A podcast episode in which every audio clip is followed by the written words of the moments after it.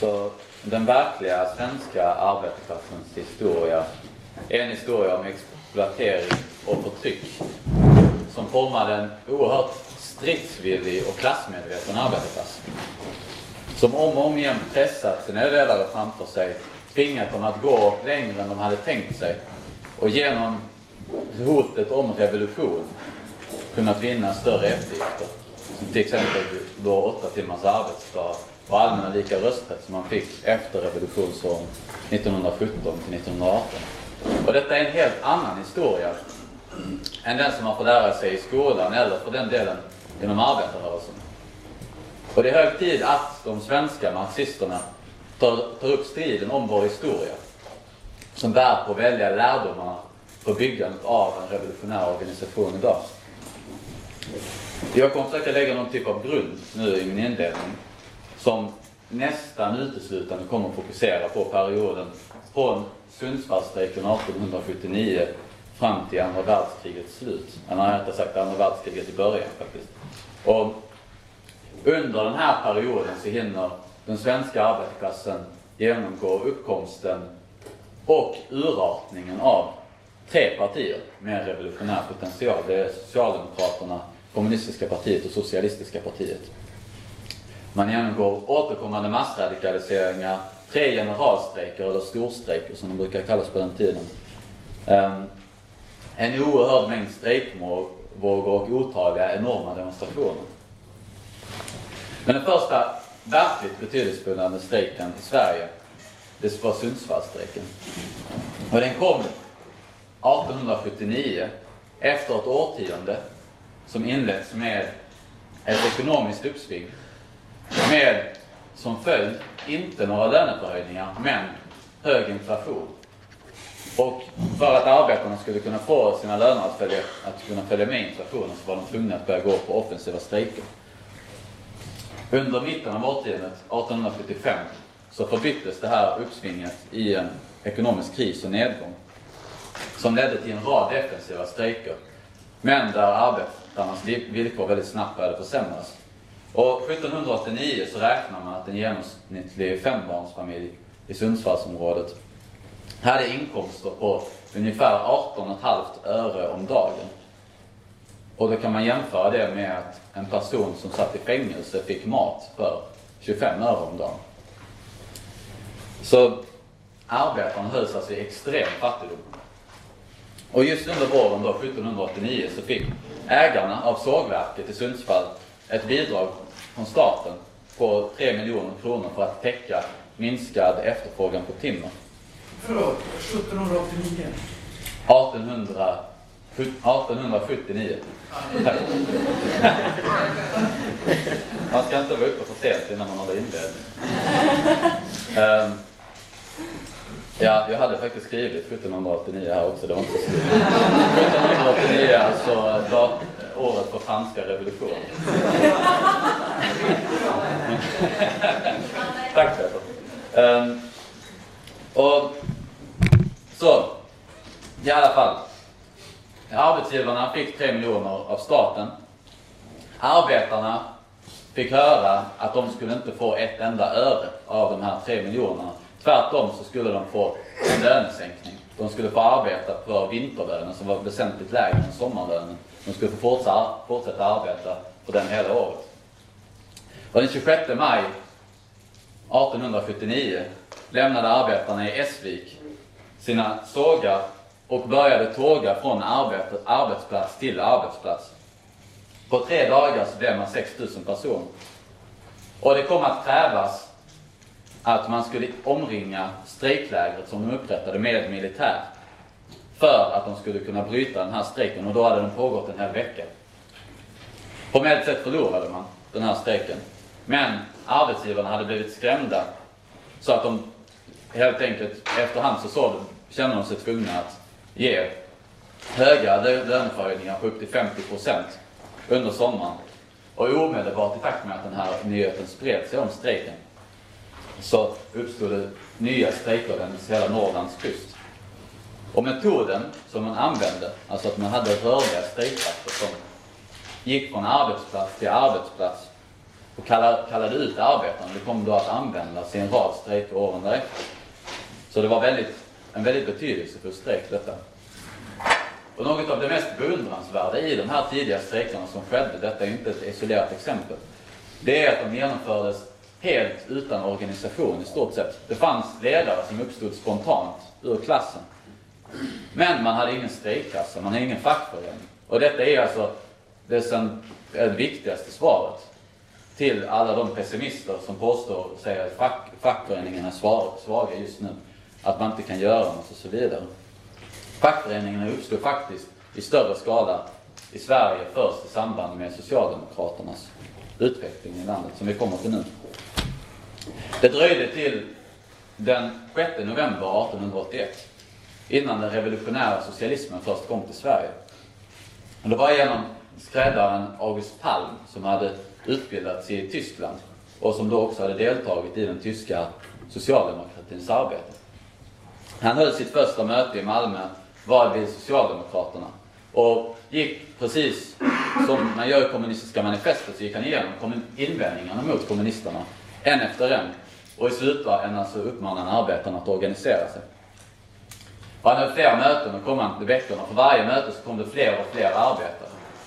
Och med ändå en liten, liten krets av nyblivna sympatisörer skapade han en agitationskommitté och gav sig ut på turné över Sverige helt enkelt.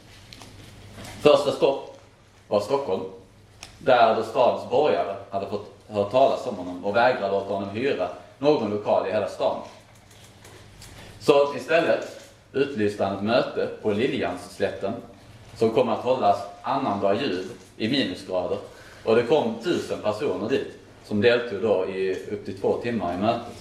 Han tog sig vidare till Göteborg där han under januari 1882 upprepade gånger höll möten för överfyllda hus, alltså på 400 personer. Tillbaka igen i Malmö under sommaren så hjälpte danska, de danska socialdemokraterna honom att hålla ett möte med 56 000 personer. 5 till 6 000 alltså, inte 56. Och detta visade vilken enorm törst det fanns bland svenska arbetare efter revolutionära idéer. Efter att man hade ryckts ur sitt slumrande tillstånd på landsbygden, kastats in i brutal förtryck och exploatering i städerna. Det var alltså en oerhörd fattigdom under den här perioden och under 1880-talet så emigrerade sammanlagt ungefär 400 000 personer från Sverige och huvudsakligen då till USA. Och det är alltså runt 10 procent av den svenska befolkningen som gjorde detta. Det var, och det var på den här basen av extrem fattigdom i kombination med olika tullar som den svenska industrin och kapitalismen kunde göra vinster och expandera från början. Fyra år efter att August Palm kommit till Sverige så förmådde han den dåvarande socialdemokratiska föreningen i Stockholm att börja ge ut en tidning. Och precis som alla föreningar, och också vår organisation, så hade detta börjat som en diskussionsgrupp. Men 1885 så stod man inför uppgiften att bli något mer. Och som verktyg kämpade August Palm då för att man skulle ge ut en tidning som ett sätt att både komma i kontakt med arbetarna på gatan, att komma i kontakt med arbetarna på arbetsplatserna och som ett sätt att skärpa föreningens politiska riktning. Och den nya tidningen fick ett oerhört genomslag. Av sitt provnummer sålde man 5000 exemplar. Och redan efter två månader så började man ge ut den här tidningen som veckotidning. August Palm var den politiska ledaren men då fick bland annat hjälp av Axel Danielsson, Fredrik Starky och Atterdag Wermelin som alla senare kommer att spela viktiga roller i rörelsen. Och inom några månader så gick man på det här sättet från att vara en inåtriktad diskussionsgrupp till en oerhörd kraft. Som bland annat med hjälp av tidningen då kunde vrida de embryon som fanns i Stockholm till fackföreningar under den här perioden från Liberalernas händer. Och man organiserade den första demonstrationen ett halvår senare, i februari 1886, med parollen mot svälttullarna. Vilket syftade då på tullarna som fanns på jordbruksvaror och industrivaror som gjorde varorna dyrare för arbetarna under den här perioden. Två veckor senare höll man ett möte i Malmö med samma paroll på ungefär 20 000 deltagare vilket följdes av fler massmobiliseringar. Man gjorde oerhörda framgångar i början. Alltså. Men det är också en viktig lärdom att framgångar ibland är betydligt farligare än nederlag. Och i den svenska socialdemokratin så fick de snabba framgångarna, framförallt inom fackföreningsrörelsen, effekten att skillnaden mellan parti och fackförening blev allt mer otydlig. Man byggde inte upp den nödvändiga partistrukturen för att kunna sätta organisationen på fast och klar teoretisk grund. Man byggde alltså revolutionärer, man byggde agitatorer, men man byggde inte marxister. Och utan revolutionär teori kan det inte finnas någon revolutionär rörelse. Avsaknad av en klar idé om skillnaden mellan fackföreningar och parti. Det gjorde att man ofta, när man bildade fackför, nya fackföreningar, så krävde man direkt deras anslutning till partiet när man satte upp den. Och när man bildade LO 1898 så satte man precis samma fel i LOs stadgar. Man krävde att alla fackföreningar som gick med i LO inom ett par år också skulle bli en del av socialdemokratin. Vilket för övrigt också fick konsekvensen att det hämmade LOs tillväxt oerhört de första åren. Två år senare, år 1900, så förtydligade socialdemokratin också sin organisationsform till det som fortfarande kallas arbetarkommuner. Där då både parti och fackföreningar hade rösträtt. Och det här bidrog till att ytterligare urvattna rörelsen genom att revolutionärerna blev dränkta i ett hav av helt enkelt politiskt helt oskolade arbetare. Och partiföreningarna upphörde efterhand att existera till förmån för just fackföreningar. Samma år, år 1900, dog också de radikala ledarna för Göteborgs respektive Malmöregionen, så var Axel Danielsson och Fredrik Sterky. Båda var fysiskt nedbrutna av sina uppoffringar, av fattigdom, av ett oerhört hårt arbete, som de sällan fick tillbaka något för. Och den enda av rörelsens ledare som fanns kvar in i nästa århundrade var kanske den mest vacklande av de tidiga ledarna. Det var Hjalmar Branting. Och han hade använt sina, han hade, alltså han hade fått extra knäcka helt enkelt på borgerliga tidningar för att dryga ut sina inkomster. Och att han blev ensam kvar, det kan man säga fick dubbel effekt. Å ena sidan att hans auktoritet stärktes. Å andra sidan att man förlorade de som hade kunnat hålla emot Brantings dragning till mot Liberalerna. Som var ett direkt resultat i sig av att partiet aldrig nådde en förståelse för den borgerliga staten. Hjalmar Brantings position var att man skulle kunna genomföra en revolution på fredlig väg om man bara fick rösträtt och kunde få majoritet i det borgerliga parlamentet. Den här positionen övergick efterhand till att man skulle kunna reformera kapitalismen till att passa arbetarna genom samarbete med kapitalisterna. Och hela den här processen som skedde alltså i Hjalmar Branting och i ledarskapet för socialdemokratin, det sammanföll ju såklart också med kapitalismens uppsving kring sekelskiftet. Som stärkte reformismen inte bara i Sverige utan över hela, ehm, eller i alla utvecklade ekonomier. Den första stora aktionen efter Danielssons och Starkys död, det blev, general, det blev storstrejken för allmän och lika rösträtt 1902. Arga av, borgar, av borgarklassens så kallade förslag på rösträttsreform, som i praktiken knappt skulle göra någon skillnad överhuvudtaget för arbetare, så spred sig kravet bland arbetarna för storstrejk för allmän och lika rösträtt och man organiserade en insamling omedelbart Varefter partiledningen och LO också utlyste en omröstning i LO och eh, Socialdemokraterna om man skulle gå ut i storstrejk. Men svaret blev ett rungande ja. Och på kongressen 1902 så besegrades bland annat då den tvekande Hjalmar Branting. Och man kallade omedelbart därefter till ett massmöte. Dit det kom 15 000 personer. Söndagen på den 20 april, demonstrerade 75 000 för rösträtt runt om i landet. I Stockholm var man 25 000 som tågade genom stan. Och när man kommit till centrum överföll polisen demonstrationen och grep ett 70-tal personer. Marx pratar ibland om kontrarevolutionens piska. Som piskar arbetarna till att gå ut, som, eh, led, som leder revolutionen framåt. Och som svar på polisens eh, angrepp så deltog nästa söndag 40 000 människor bara i Stockholm Man var 25 000 i Göteborg och 15 000 i Malmö. Den 15 maj påbörjades debatterna och arbetarna stannade samhället fullständigt. I Stockholm fungerade bara vattenledningsverket och eh, belysningen i riksdagshuset. De gamla riksdagsmännen som var för gamla för att gå fick helt enkelt ringa facket för att kunna få en droska och kunna ta sig till riksdagshuset. 120 000 människor deltog i tre dagar, varav ungefär hälften var helt oorganiserade. Hela LOs medlemsantal var inte ens en tredjedel av det här, vid den här punkten. Och man vann striden fullständigt. Regeringen tvingades återta sitt ur arbetarnas synpunkt fullständigt värdelösa reformförslag för att lägga ett bättre senare. Och den här skolstrejken blev en viktig etapp och en enormt viktig erfarenhet i arbetarklassens utveckling. De följande åren såg en massiv strejkvåg.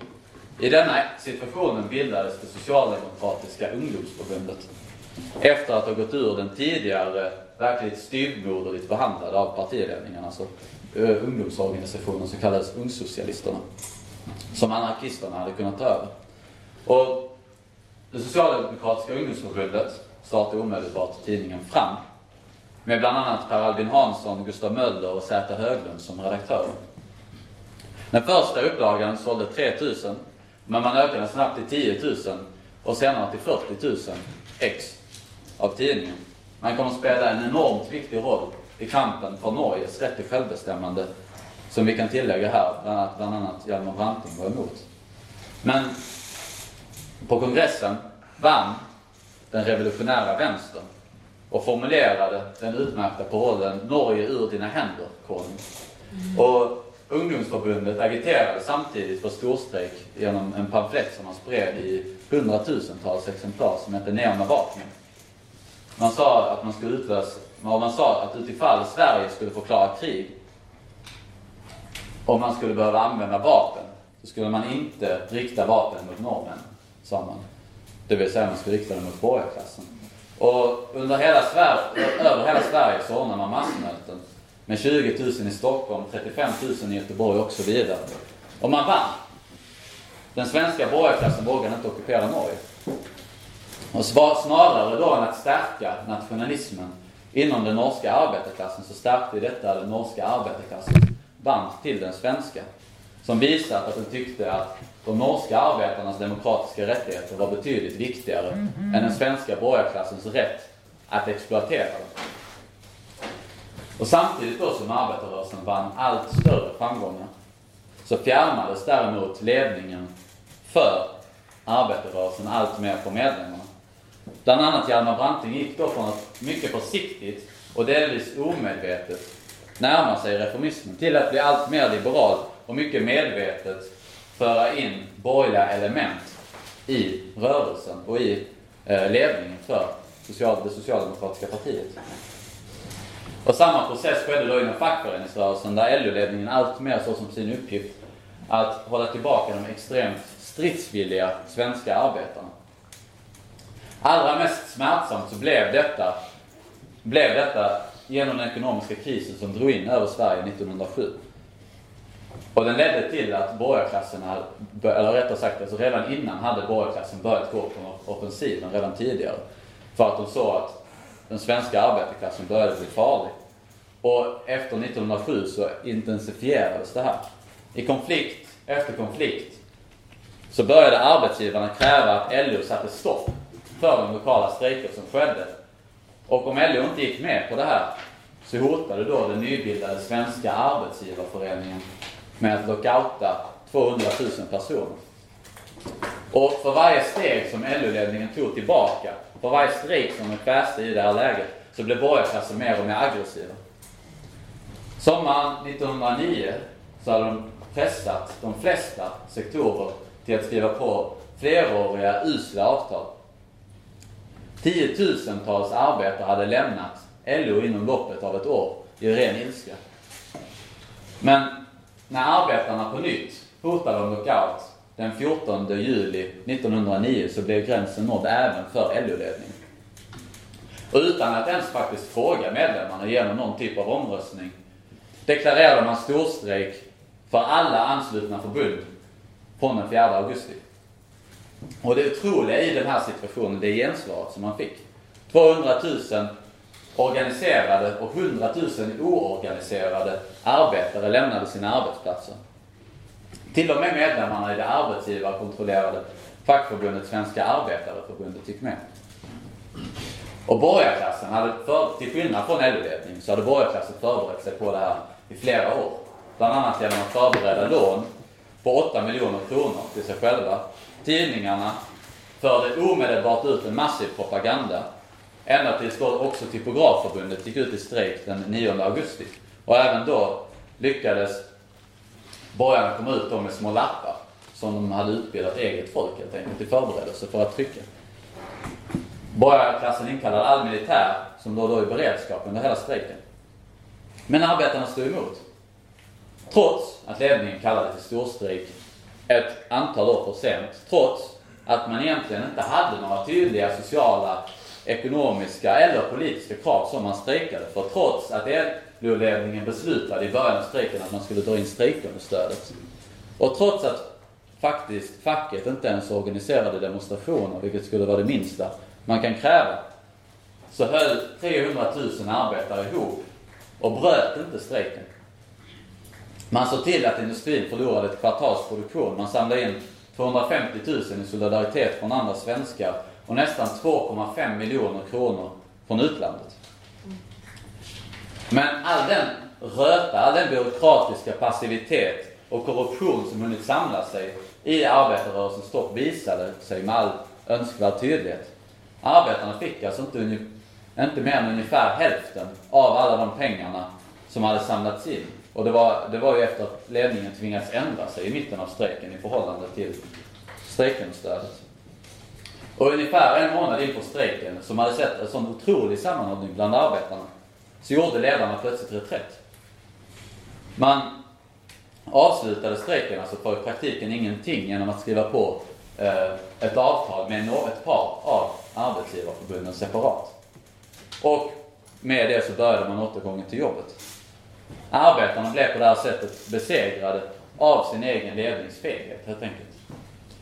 Och den följande LO-kongressens kritik mot ledningen blev massiv.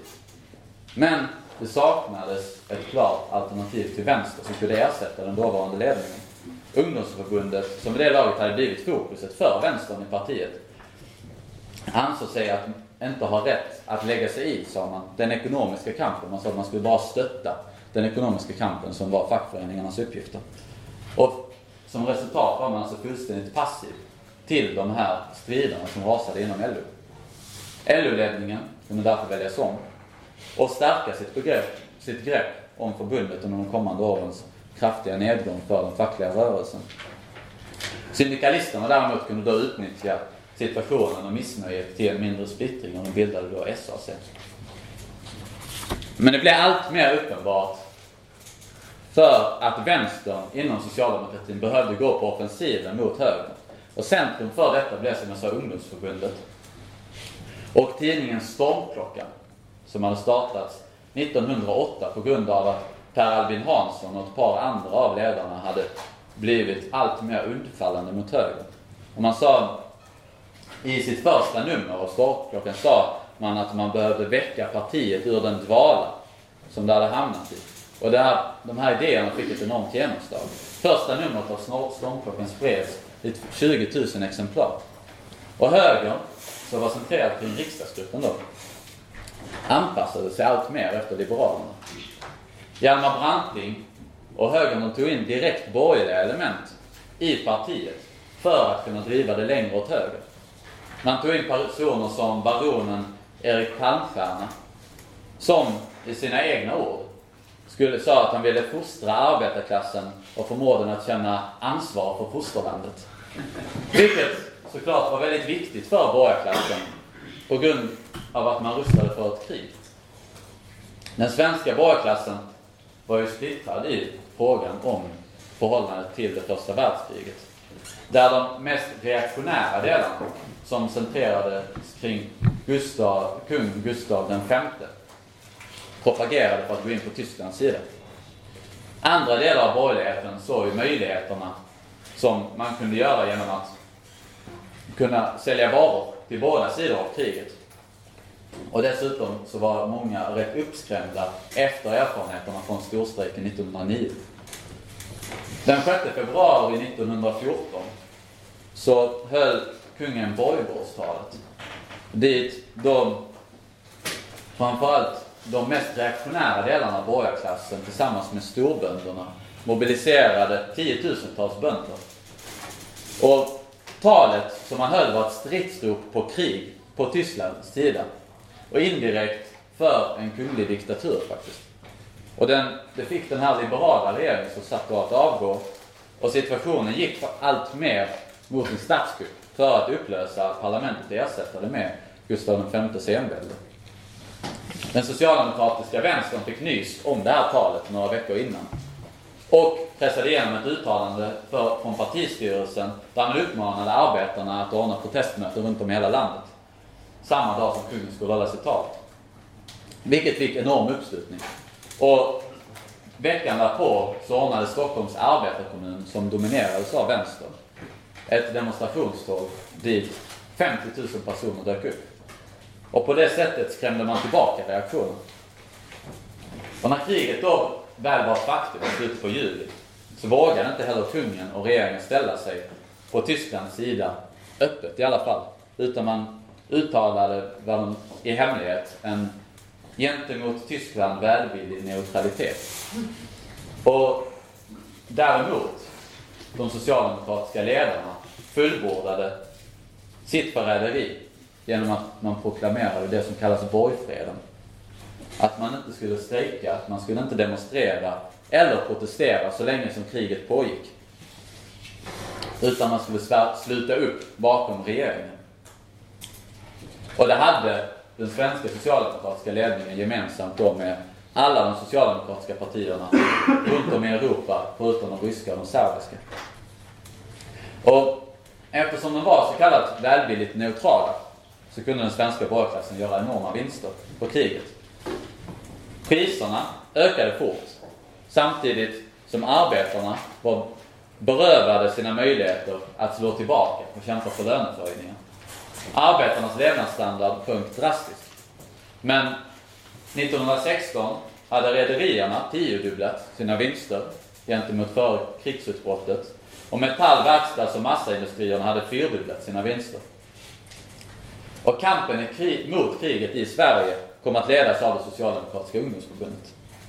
De skickade sin främsta representant, Zäta Höglund, till Zimmerfaldkonferensen våren 1915 som antog ett manifest mot kriget, mot borgfredspolitiken i Europas länder och mot krigskreditsbeviljandet. På själva konferensen anslöt sig då Höglund till Lenin, Radek med flera som beskrev behovet av att kämpa mot imperialismen med en socialistisk revolution och att man behövde föra en skoningskamp, skoningslös kamp mot de socialdemokratiska ledarna. I början av 1916 organiserade då ungdomsförbundet en fredskongress för svenska arbetare i Sverige på grund av att den svenska borgarklassen återigen hade börjat förbereda sig för att gå in i krig på Tysklands sida. Trots att partiledningen öppet saboterade den här kongressen så deltog då 265 ombud som representerade sammanlagt ungefär 400 000 medlemmar på den. Och Zäta Höglund inledde kongressen med att förklara att den andra internationalen är död och att man behöver utomparlamentarisk kamp mot krigsfaran. Man tog manifestet Fred till varje pris, där man förklarade att man var beredd att gå ut i storstrejk för att stoppa kriget. Omedelbart efter den här kongressen åtalades och fängslades Höglund och två andra. Och arbetarna svarade med protestmöten och att pressa ledningen för Socialdemokraterna till att ordna ett massmöte i Stockholm som fick en stor uppslutning. Vilket i sig då avgjorde att den svenska borgarklassen inte heller nu vågade gå in i kriget. Vänstern, eh, förlåt, nu tappade jag bort där. Eh, det avgjorde också att den socialdemokratiska högern känner sig tvungna att utesluta vänstern innan vänsters inflytande skulle bli för stort inom arbetarklassen och partiet. I november 1916 ställde man då ett ultimatum som ungdomsförbundets medlemmar med 5794 röster mot 172 beslutade sig för att avslå. Och Branting öppnade kongressen den 12 februari 1917 med att säga att kongressen skulle bli en uppgörelsens dag. Där man skulle städa ut de som förgiftade partiet. Och efter två dagars diskussion i den här atmosfären så var partiet sprängt. Vänstern förlorade på partikongressen alltså. Framförallt för att man gjort en rad misstag. Det centrala var att man förstod inte behovet av att skapa en centraliserad organisation med en klar politisk linje. Och därför försökte man kompromissa med högern hela tiden. Och för de förstod inte på ett klart sätt att högern inom arbetarrörelsen är representanter för borgarklassen. Och att klasskampen därmed oundvikligen kommer ställa arbet, alltså kommer klyva arbetarrörelsen, inte nödvändigtvis längs mitten, men kommer klyva av stora delar av ledningen från den. Som kommer ställa sig i borgarklassens läger. Och detta blev också problemet i det nya partiet. Sveriges socialistiska vänsterparti som man bildade redan tre månader senare. Man hade inte, och man försökte inte uppnå någon ideologisk eller teoretisk klarhet till en början. Och konsekvensen blev då att man inte heller klarade av att ta ledningen för den revolutionära rörelse som uppstod och spred sig under, under april och maj 1917. Upptakten var en generalstrejk i Västervik. Där arbetarna bland annat ställde krav på en levnadsstandard på 1914 års nivå. Åtta timmars arbetsdag, allmän och lika rösträtt. Och arbetarna valde spontant en kommitté då, som skulle leda kampen och uppmanade arbetare runt om i hela landet att följa exemplet, vilket också gjordes. I en våg av massdemonstrationer och strejker upprättades kommittéer som fullständigt tog kontroll, ofta, inte alltid, men ofta, tog fullständigt tog kontroll över bland annat livsmedelsdistribution och en rad andra samhälleliga funktioner. 20 000 arbetare marscherade eh, till och invaderade riksdagshuset i Stockholm. Där då högersocialdemokraten Per Albin Hansson tog ordet. Och under massornas väldigt tydliga instruktioner så sa han att första kravet är bröd, varefter han då på ett väldigt effektivt sätt själv föreslog ett antal krav och i övrigt helt enkelt noterade och upprepade alla krav som folk skrev till honom från publiken. Och vad som hände var ju alltså helt enkelt att Per Albin Hansson blev plötsligt väldigt radikal.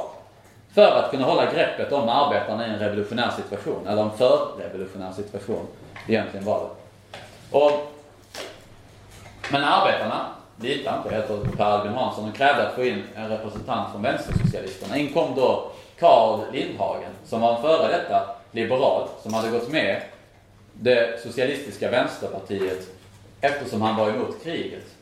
Och var just en representant för allt det som man borde ha rensat ut ur partiet från början. Han svarade, när massorna då krävde bröd, svarade han med att i väldigt vackra ord prata om världsfred och världsfrihet, som han sa i vår rörelses yttersta mål. Och ledningen som helhet för de här vänstersocialisterna hade som tur var en bättre linje. Man ställde en rad krav, däribland åtta timmars arbetsdag, allmän och lika rösträtt och man krävde framförallt storstrejk. Vilket fick en enorm uppslutning. LO och Socialdemokraterna var rädda för förslaget. För de insåg att storstrejk skulle kunna leda till uppror. Istället så tog LO och Socialdemokraterna maningar till arbetsgivarna om att höja lönerna för arbetarna för att kunna lugna situationen. Vänstersocialisterna svarade med att förbereda en storstrejk själva i Stockholm där man var starkast. Och tiotusentals demonstrerade och drabbade samman då med polisen den 5 juni. Dagen efter upprättade vänstersocialisterna ett arbetarnas landsråd, som man kallade det, tillsammans med syndikalisterna och Västerviksarbetarna bland annat, men en rad andra organisationer också.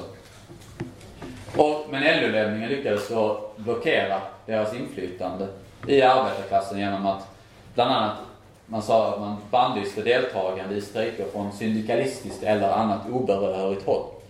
Och i sig så pekade ju det här också faktiskt på en svaghet i vänstersocialisternas taktik, alltså att man eh, hade vissa illusioner i syndikalisterna och lät dem påverka. Men ännu viktigare var att det här kunde framförallt få en effekt för att rörelsen började avta vid det här laget. Och under sensommaren så började då arbetarnas uppmärksamhet rikta mot valet, riktas mot valet. Vänstersocialisterna genomförde en usel och extremt förvirrad valkampanj på grund av den politiska oenigheten i partiet. I Stockholm samlades man just kring den här Lindhagen som jag beskrev innan. Som presenterade juveler som nytt i politiken är att vi måste underordna oss naturlagar. Eller villkoret för samhällsdemokratin är att människorna först demokratiserar sig själva. Vilket var alltså en schysst slänga slänga till de här arbetarna som i nära 40 år hade kämpat för allmän och lika rösträtt. Men alltså, så att trots att ens paroll hade fått en enorm uppslutning under eh, det här uppsvinget, kampuppsvinget i Stockholm så fick man alltså nu inte en enda vänstersocialist val i valet. Och däremot i landet som helhet gick det något bättre så att man fick 11 mandat i riksdagen. I borgerligheten däremot rådde det fullständig panik. För man var rädda för att ett nytt kampuppsving skulle kunna uppstå när som helst. Och därför tog de in de socialdemokratiska ledarna som villigt lät sig lånas för att hålla tillbaka rörelsen. Man tog in dem i regeringen. Och under 1918 så blev hungern i landet ännu mer akut. Och den ryska revolutionen, det finska inbördeskriget och den tyska revolutionen fick alla ett oerhört genomslag. Gång på gång uppstod lokala generalstrejker, men utan ledning. Och för att rädda sitt skinn så såg sig borgarklassen helt enkelt tvungna att låta allmän och lika rösträtt och året därpå åtta timmars arbetsdag passera igen. Det nybildade Sveriges socialdemokratiska vänsterparti var vad vi kallar centristiskt. Det vill säga man stod mellan reformism och revolution. Från en reformistisk bakgrund så gick man under framförallt massornas och den ryska revolutionens tryck i revolutionär riktning. Där. 1921 så bytte man namn till Sveriges kommunistiska parti. Man antog Kominterns 21 teser för medlemskap. Resultatet blev att partiets mer förvirrade följeslagare, däribland Lindhagen, lämnade. Men också den bristande skolningen i partiet gjorde att, man fick med, att de här fick med sig en tredjedel av medlemmarna. Detta återhämtade man däremot snabbt. Året därpå så en kraftig nedgång, ekonomisk nedgång. Och 1922 var arbetslösheten, arbetslösheten uppe i 30%. Återigen försökte borgarklassen lägga bördan på arbetarna som såg lönesökningar på 20-30%. Och ledda av den kommunistiska internationalens taktik så kunde kommunistpartiet under de här förhållanden snabbt återta det som man hade förlorat. Men 1924 splittrades partiet en gång till. Och den viktigaste anledningen till den här splittringen, det var stalinisternas jakt på trotskister i internationalen. Som gjorde att man ökade kontrollen över de olika sektionerna. Men en annan anledning var ju också att partiets huvudsakliga ledare, Zäta Höglund, som nu ledde den här splittringen, aldrig fullt ut blivit marxist. Vilket skapade konflikter med resten av ledningen i en rad olika frågor. Återigen, däremot, återhämtade man sig snabbt. Framförallt genom fackligt arbete. I januari 1926 tog man initiativ till en facklig rikskonferens mot fascist och strejkbrytarorganisationernas härjningar, sa man. Genom att man hade en metallavdelning i Göteborg som man kontrollerade. Och man samlade ombud från 300 fackföreningar som representerade 80 000 medlemmar. Och man bildade det man kallar en enhetskommitté. Som sa att man skulle ingjuta en klasskampsanda i förbunden. Socialdemokraterna hade samtidigt bildat regering vid tre olika tillfällen utan att uträtta ett dyft. Men i valet 1928 tappade de väldigt mycket just av denna anledningen. Samtidigt som dels kommunisterna men framförallt högern ökade i valet. Högern utnyttjade sitt läge till att gå till motattack. Eller nej, inte motattack. De gick till attack faktiskt. Genom en lagstiftning som innebar att arbetarna inte skulle ha rätt att gå i strejk för sin tolkning av kollektivavtalet utan att det här skulle avgöras i det som nu kallas en arbetsdomstol.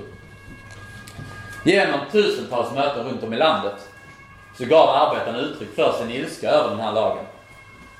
Och ledda av kommunisterna krävde man en generalstrejk som LO tvingades gå med på, eller LO-ledningen tvingades gå med på, men lyckades begränsa till att vara en eftermiddag bara.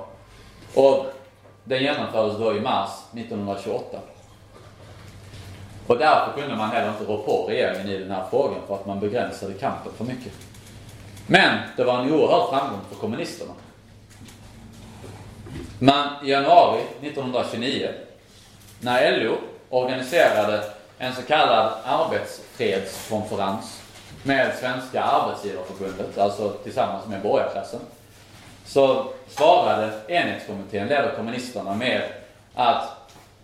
Eh, Vilket spår var detta? 1929. Tack, det sparar mig i pausen. um, ja, man, man svarade med arbetarnas fackliga landskonferens. Som, dit man då fick representanter för en femtedel av alla LO-förbunden. Och då i huvudsak de eh, tunga industriförbunden. Mellan 1924 och 1929 tredubblade kommunistpartiet sitt medlemskap vilket också svarade mot det här ökande inflytandet inom klassen. Man hade stått i en perfekt position för att utnyttja den internationella nedgången som slog till i samband med börsfallet i USA i oktober 1929. Men några veckor tidigare hade partiet sprängts en gång till. Och partimajoriteten, ledda av Carl Kilbom och Nils Flyg, uteslöts ur Komintern. Orsaken till detta var Stalins ultravänsteristiska sväng i den tredje perioden som vi diskuterade igår. Där man deklarerade att världskrisen gjort att socialdemokratin övergick till att bli socialfascism. Istället skulle man upprätta en, istället för att som man tidigare sa, man skulle upprätta en enhetsfront med de socialdemokratiska arbetarna. Så att man skulle kunna ta ledning i kampen, genom kampen för dagskrav så sa man nu att man helt enkelt bara själva skulle ta ledningen för kampen utan, utan och direkt i strid mot de socialdemokratiska arbetarna. Och det åtföljdes av en oerhörd kamp även inom kommunistpartierna mot den så kallade högern. Och i Sverige, efter att man rensat ut den här så kallade högern, så blev det inte mer än 3500 medlemmar kvar. De kallades då silenare, till skillnad från majoriteten som uteslöts, så kallades kilbommarna efter sina respektive främsta ledare. Och enhetskommittén då, som nyss hade haft de här enorma framgångarna inom LO, drabbades av inbördeskrig och blev då ett väldigt enkelt byte för LO-ledningen. Och samtidigt ledde den här ekonomiska krisens verkliga genombrott i Sverige under 1930 till att den svenska borgarklassen började förbereda sig på allvar för att krossa den fackliga rörelsen. Man organiserade beväpnade band av strejkbrytare som man skyddade då med hjälp av polis och militär. Men man organiserade också fascistisk milis som då samarbetade tätt med polisen. Den här uppfattningen var grunden till först brädgårdskravallerna i Halmstad i april 1931. Vid en mindre strejk i ett av sågverken för att förhindra en lönesänkning satte arbetsgivarna då in beväpnade strejkbrytare och arbetarna svarade med demonstrationer. Strejkbrytarna sköt mot demonstranterna skyddade av polisen. Demonstranterna fick därefter större uppslutning. Staten svarade på detta med att skicka till nya poliser från Göteborg vilket gjorde arbetarna ännu mer arga. Hela Halmstads befolkning var snart på arbetarnas sida. Den 23 april demonstrerade 5000 personer för att återigen bli beskjutna av strejkbrytarna. Och man närmade sig en generalstrejk. Myndigheterna svarade med att kalla in militären. Efter förhandlingar mellan fackförbundet och, alltså som det som den här strejken rörde från början, så lyckades man nå en kompromiss som faktiskt innebar vissa löneförhöjningar. Vilket lugnade situationen. Socialdemokraterna under hela den här konflikten ställde sig fullständigt på arbetsgivarens sida mot de kommunistiska bråkmakarna som man kallade som man påstod hade trappat upp den här konflikten. Och detta kunde inte annat i den här situationen göra än att stärka borgarna som valde samma taktik några veckor senare i Ådalen. Efter att myndigheterna på ett liknande sätt som i Halmstad trappat upp konflikten så marscherade 7000 arbetare den 14 maj till strejkbrytarförläggningen i Lunde. Och väl där blev man då beskjuten av militär. Så att 10 personer dog. Nej, förlåt. 10 personer blev skadade och 5 personer dog. Och omedelbart så la Ådalens arbetare ner arbetet i hela staden. Det blev en fullständig generalstrejk och redan dagen efter så lämnade strejkbrytarna och militären Ådalen i ren rädsla. Strejken pågick till den 26 maj och under tiden så kontrollerade en kommitté Ådalen fullständigt, en strejkkommitté. I resten av landet svarade 70 000 arbetare spontant med strejk inom olika sektorer. I Stockholm deltog 150 000 arbetare i en rad olika demonstrationer sammanlagt. Det blev starten på en kraftig radikalisering som slog tillbaka borgarklassens attacker fullständigt. Hösten 1932 så kunde då Socialdemokraterna trots sin fega taktik kanalisera detta i valet. Som man då starkt gick fram med. Man bildade regering och tillsammans med Bondeförbundet genomförde man därefter då en keynesiansk politik. Med då en rad olika reformer i olika sektorer kombinerat med stora investeringar.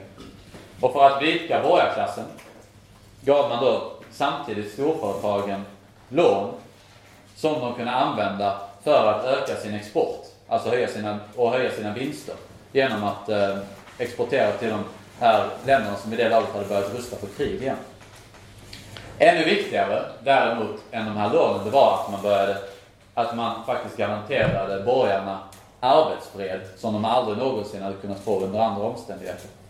Under 1932 saboterade LO-ledningen medvetet pappersarbetarnas strejk och garanterade att de förlorade.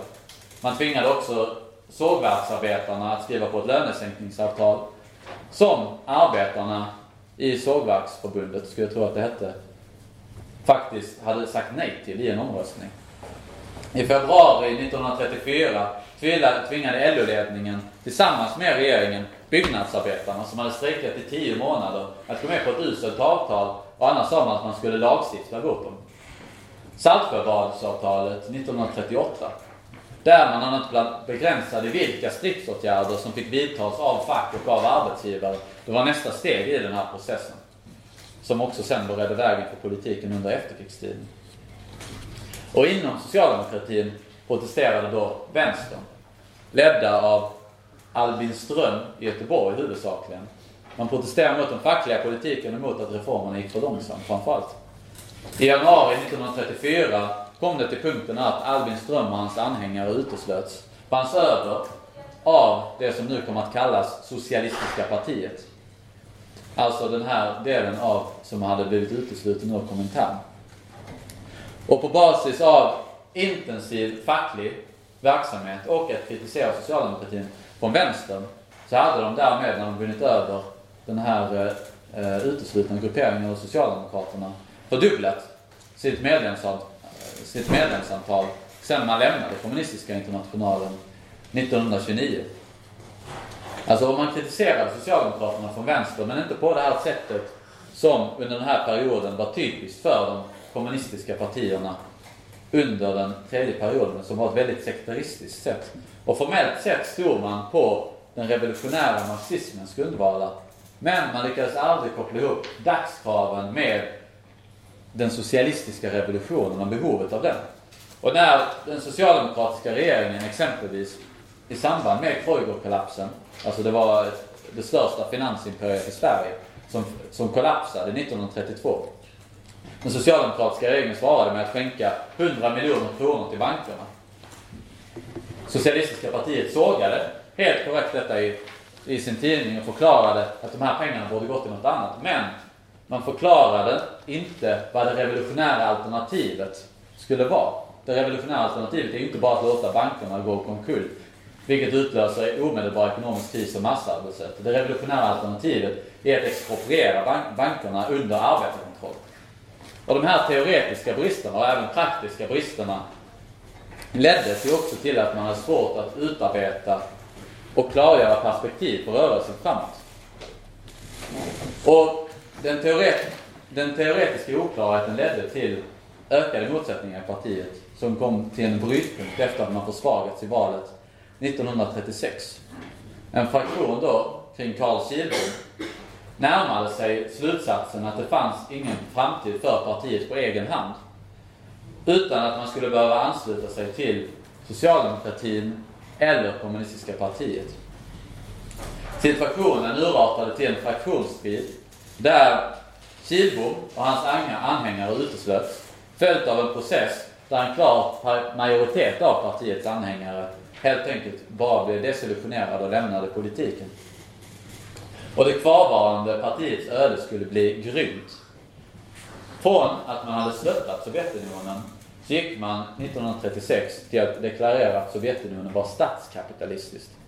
Och i Nils Flygs fall, efter att han sett då att Stalin och Hitler gjorde den här pakten 1939 i samband med världskriget, andra världskrigets utbrytande. Han kom allt mer att börja jämställa Sovjetunionen och Nazityskland helt enkelt. Och från att ha jämställt eh, Sovjetunionen och Nazityskland gick han allt mer i nazistisk riktning i samband med det finska vinterkriget. Eh, där, man då ställ, där han ställde upp på, eh, den, på den finska borgerlighetens sida. Och med Nils Flyg gick också partiet i nazistisk riktning och gick in alltså i riksdagsvalet 1944 med parollen Död åt internationell judisk storfinans. Och i takt med att den här urartningen blev tydlig så bröt också en grupp kring Albin Ström bröt, ur, bröt sig ur partiet och bildade Vänstersocialistiska partiet. Och ur det bildades 1950 den första svenska eh, trotskistiska grupperingen någonsin. Men på grund av den fjärde eh, internationalens lednings felaktiga perspektiv så gick den här organisationen snabbt under. Och det skulle dröja till 60-talet innan någon trotskistisk organisation kom, på nytt kom att bildas. Och jag har tyvärr bara tid att skissa grunddragen i efterkrigsperioden som kommer att bli helt annorlunda. Efter att ha inlett kriget med förföljelse av kommunister och ett halvöppet stöd till Nazityskland så vände samlingsregeringen 180 grader när det blev klart att Röda armén skulle krossa Hitler. Runt om i Europa gick situationen mot slutet av kriget mot revolution.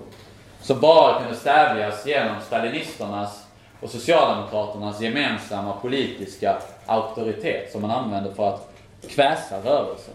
Och kväsandet av den revolutionära rörelsen mot andra världskrigets slut var den politiska förutsättningen också för det här uppsvinget som vi såg under efterkrigstiden. I den svenska arbetarrörelsen växte snabbt kraven vilket ledde fram till det radikala efterkrigsprogrammet som blev basen för de kommande årens reformer. 1945 gick också metallarbetarna, Metallarbetarförbundet ut i en tre månader lång strejk ledd av kommunisterna som såg ett massivt sabotage från LO-ledningen men ändå vann. Kommunistpartiet hade snabbt ökat sitt medlemsantal och inflytande under radikaliseringen från i praktiken inget just i början av kriget och nådde 50 000 medlemmar och 11,2 procent av rösterna 1946. Men under pressen av dels borgerlighetens och socialdemokratins propaganda mot kommunister kombinerat med en zigzagkurs från den stalinistiska byråkratin så gick allt det här snabbt om intet. Däremot ökade Socialdemokraterna massivt i popularitet. Särskilt på grund av det här efterkrigsprogrammet som innebar stora förbättringar för arbetarna. Och det här var möjligt dels genom det fortsatta hotet om revolution som tvingade borgarna att förlita sig på reformisterna. Men ännu mer på att borgarna gjorde enorma vinster och därmed faktiskt hade råd att göra eftergifter till arbetarna. Och under 50-talet så fortgick detta som smort. Särskilt sedan Socialdemokraterna, LO, lyckats kuva de här konstanta strejkkraven som hela tiden kom från arbetarna genom att centralisera avtalsförhandlingarna. Tusentals småjordbruk och småföretag lades ner varje år till förmån för en växande arbetarklass för, som kunde bli arbetskraft till storstädernas och exportinriktade storföretag som fick mer och mer arbetskraft. Samtidigt fick då, eh, vad var jag? Eh, arbets... Där, där, där. Där! Jag skulle ju räkna upp reformen, jag titta vad jag var. Eh, samtidigt fick då arbetarna förlängd semester, höjda folkpensioner, bättre bostäder, höjda reallöner och så vidare. Och detta, beror, detta bidrog då till att stärka arbetarklassens band till socialdemokratin å ena sidan. Men samtidigt till att i allt högre grad börja fjärma partiledningen från massorna för att bli allt mer indraget i statsapparaten och närma sig borgarklassen. Och även det kommunistiska partiet genomgick i den här perioden en reformistisk urartning ledd av C.H. Hermansson parallellt med att man bröt med Sovjetunionen. Och det gjorde att det kommunistiska partiet kunde inte framstå som ett verkligt alternativ för de ungdomar framförallt som gick i revolutionär riktning under 60-talets andra hälft. Och 1968 fick man sitt sämsta resultat någonsin med 3% i valet. Radikaliseringen kom istället framförallt att dels kanaliseras genom mindre maoistiska och stalinistiska sekter, men också genom vilda strejker, där den stora gruvstrejken 1969 1970 kanske utgör det tydligaste exemplet. Men det uppstod också starka vänsterströmningar inom Socialdemokraterna och LO. På LO-kongressen 1971 antog man bland annat förslag som skulle leda fram till då Rudolf Meidners förslag om löntagarfonder som gick ut på att man gradvis skulle socialisera ekonomin med hjälp av att fackföreningarna skulle få vissa andelar av företagens vinster. Och så skulle få dem som aktier så att man gradvis tog över företagen helt enkelt. Och under tillstånd då av allmän radikalisering så kunde heller inte borgarna svara på den så kallade oljekrisen som utlöstes under 70-talet. Den var ett uttryck för den massiva överproduktion som hade byggts upp under uppgången sedan andra världskriget. Och ledda av Thatcher och Reagan ansåg sig borgarklassen vara tvungna till massiva attacker på arbetarklassen för att kunna återställa sina vinster. I Sverige var borgarklassen för svaga för att kunna attackera arbetarna själva. Svenska arbetsgivarförbundet försökte sig på, försökte se, se på facket med en storlockout 1980. Men LO svarade med en generalstrejk på 700 000 personer och krossade dem fullständigt. Så först efter den socialdemokratiska valsegern 1982 påbörjades de verkliga attackerna mot arbetarklassen. Ulf Palmes regerings första åtgärd var att devalvera kronan med 16 procent, det vill säga sänka värdet på de svenska arbetarnas löner med 16 procent i praktiken. Avregleringarna och privatiseringarna under Olof Palmes regering ledde sedan vägen för ytterligare en kris i början på 90-talet som mer än något annat ledde till massiva nedskärningar. Där den socialdemokratiska regeringen mellan 92, nej, förlåt, 94 till 98 genomförde majoriteten. Mellan 98 och 2002 så fortsatte de med en mildare version av den här politiken och den här gången under stöd av bland annat Vänsterpartiet. Så för att sammanfatta då. Den svenska arbetarrörelsens uppkomst sker genom den revolutionära socialdemokratins period som pågår ungefär fram till sekelskiftet. Och där, därefter så svänger ett skikt inom ledningen ledda av LO-ledningen och Hjalmar Branting definitivt snabbt mot reformism och klassamarbete vilket leder till ett allt mer öppet inbördeskrig inom den socialdemokratiska rörelsen mellan de revolutionära och de reformistiska fraktionerna som kulminerar då i partiets splittring 1917. Perioden därefter, fram till andra världskriget, kännetecknas å ena sidan av Socialdemokraternas första regeringsinnehav, öppna samarbete med borgarklassen och att man vinner vissa grundläggande reformer. Men å, ena sidan, å andra sidan av ett öppet inbördeskrig inom den kommunistiska rörelsen som orsakas både av de teoretiska bristerna hos rörelsens ledare och den stalinistiska byråkratins svängningar. Och det gör att man aldrig lyckades vinna i ledarskapet för den svenska arbetarklassen och ledaren mot revolution. Och under denna processen så ligger hela tiden en ibland lugnande men ofta rasande klasskamp. Där den svenska arbetarklassen visar sig som en av de mest strejk och kampvilliga klasserna i världen. Man producerar också en rad enormt uppoffrande, modiga och talangfulla ledare i August Palm, Fredrik Sterky, Axel Danielsson, Atterdag Wermelin, jag ska få fel namn på pappret, Kata Dahlström, Zäta Höglund med flera. Och varför har vi inte socialism i Sverige? Det är för att de aldrig lyckades bilda ett marxistiskt ledarskap för rörelsen som kunde leda den i revolution. Det är den avgörande skillnaden i Sverige mot Ryssland.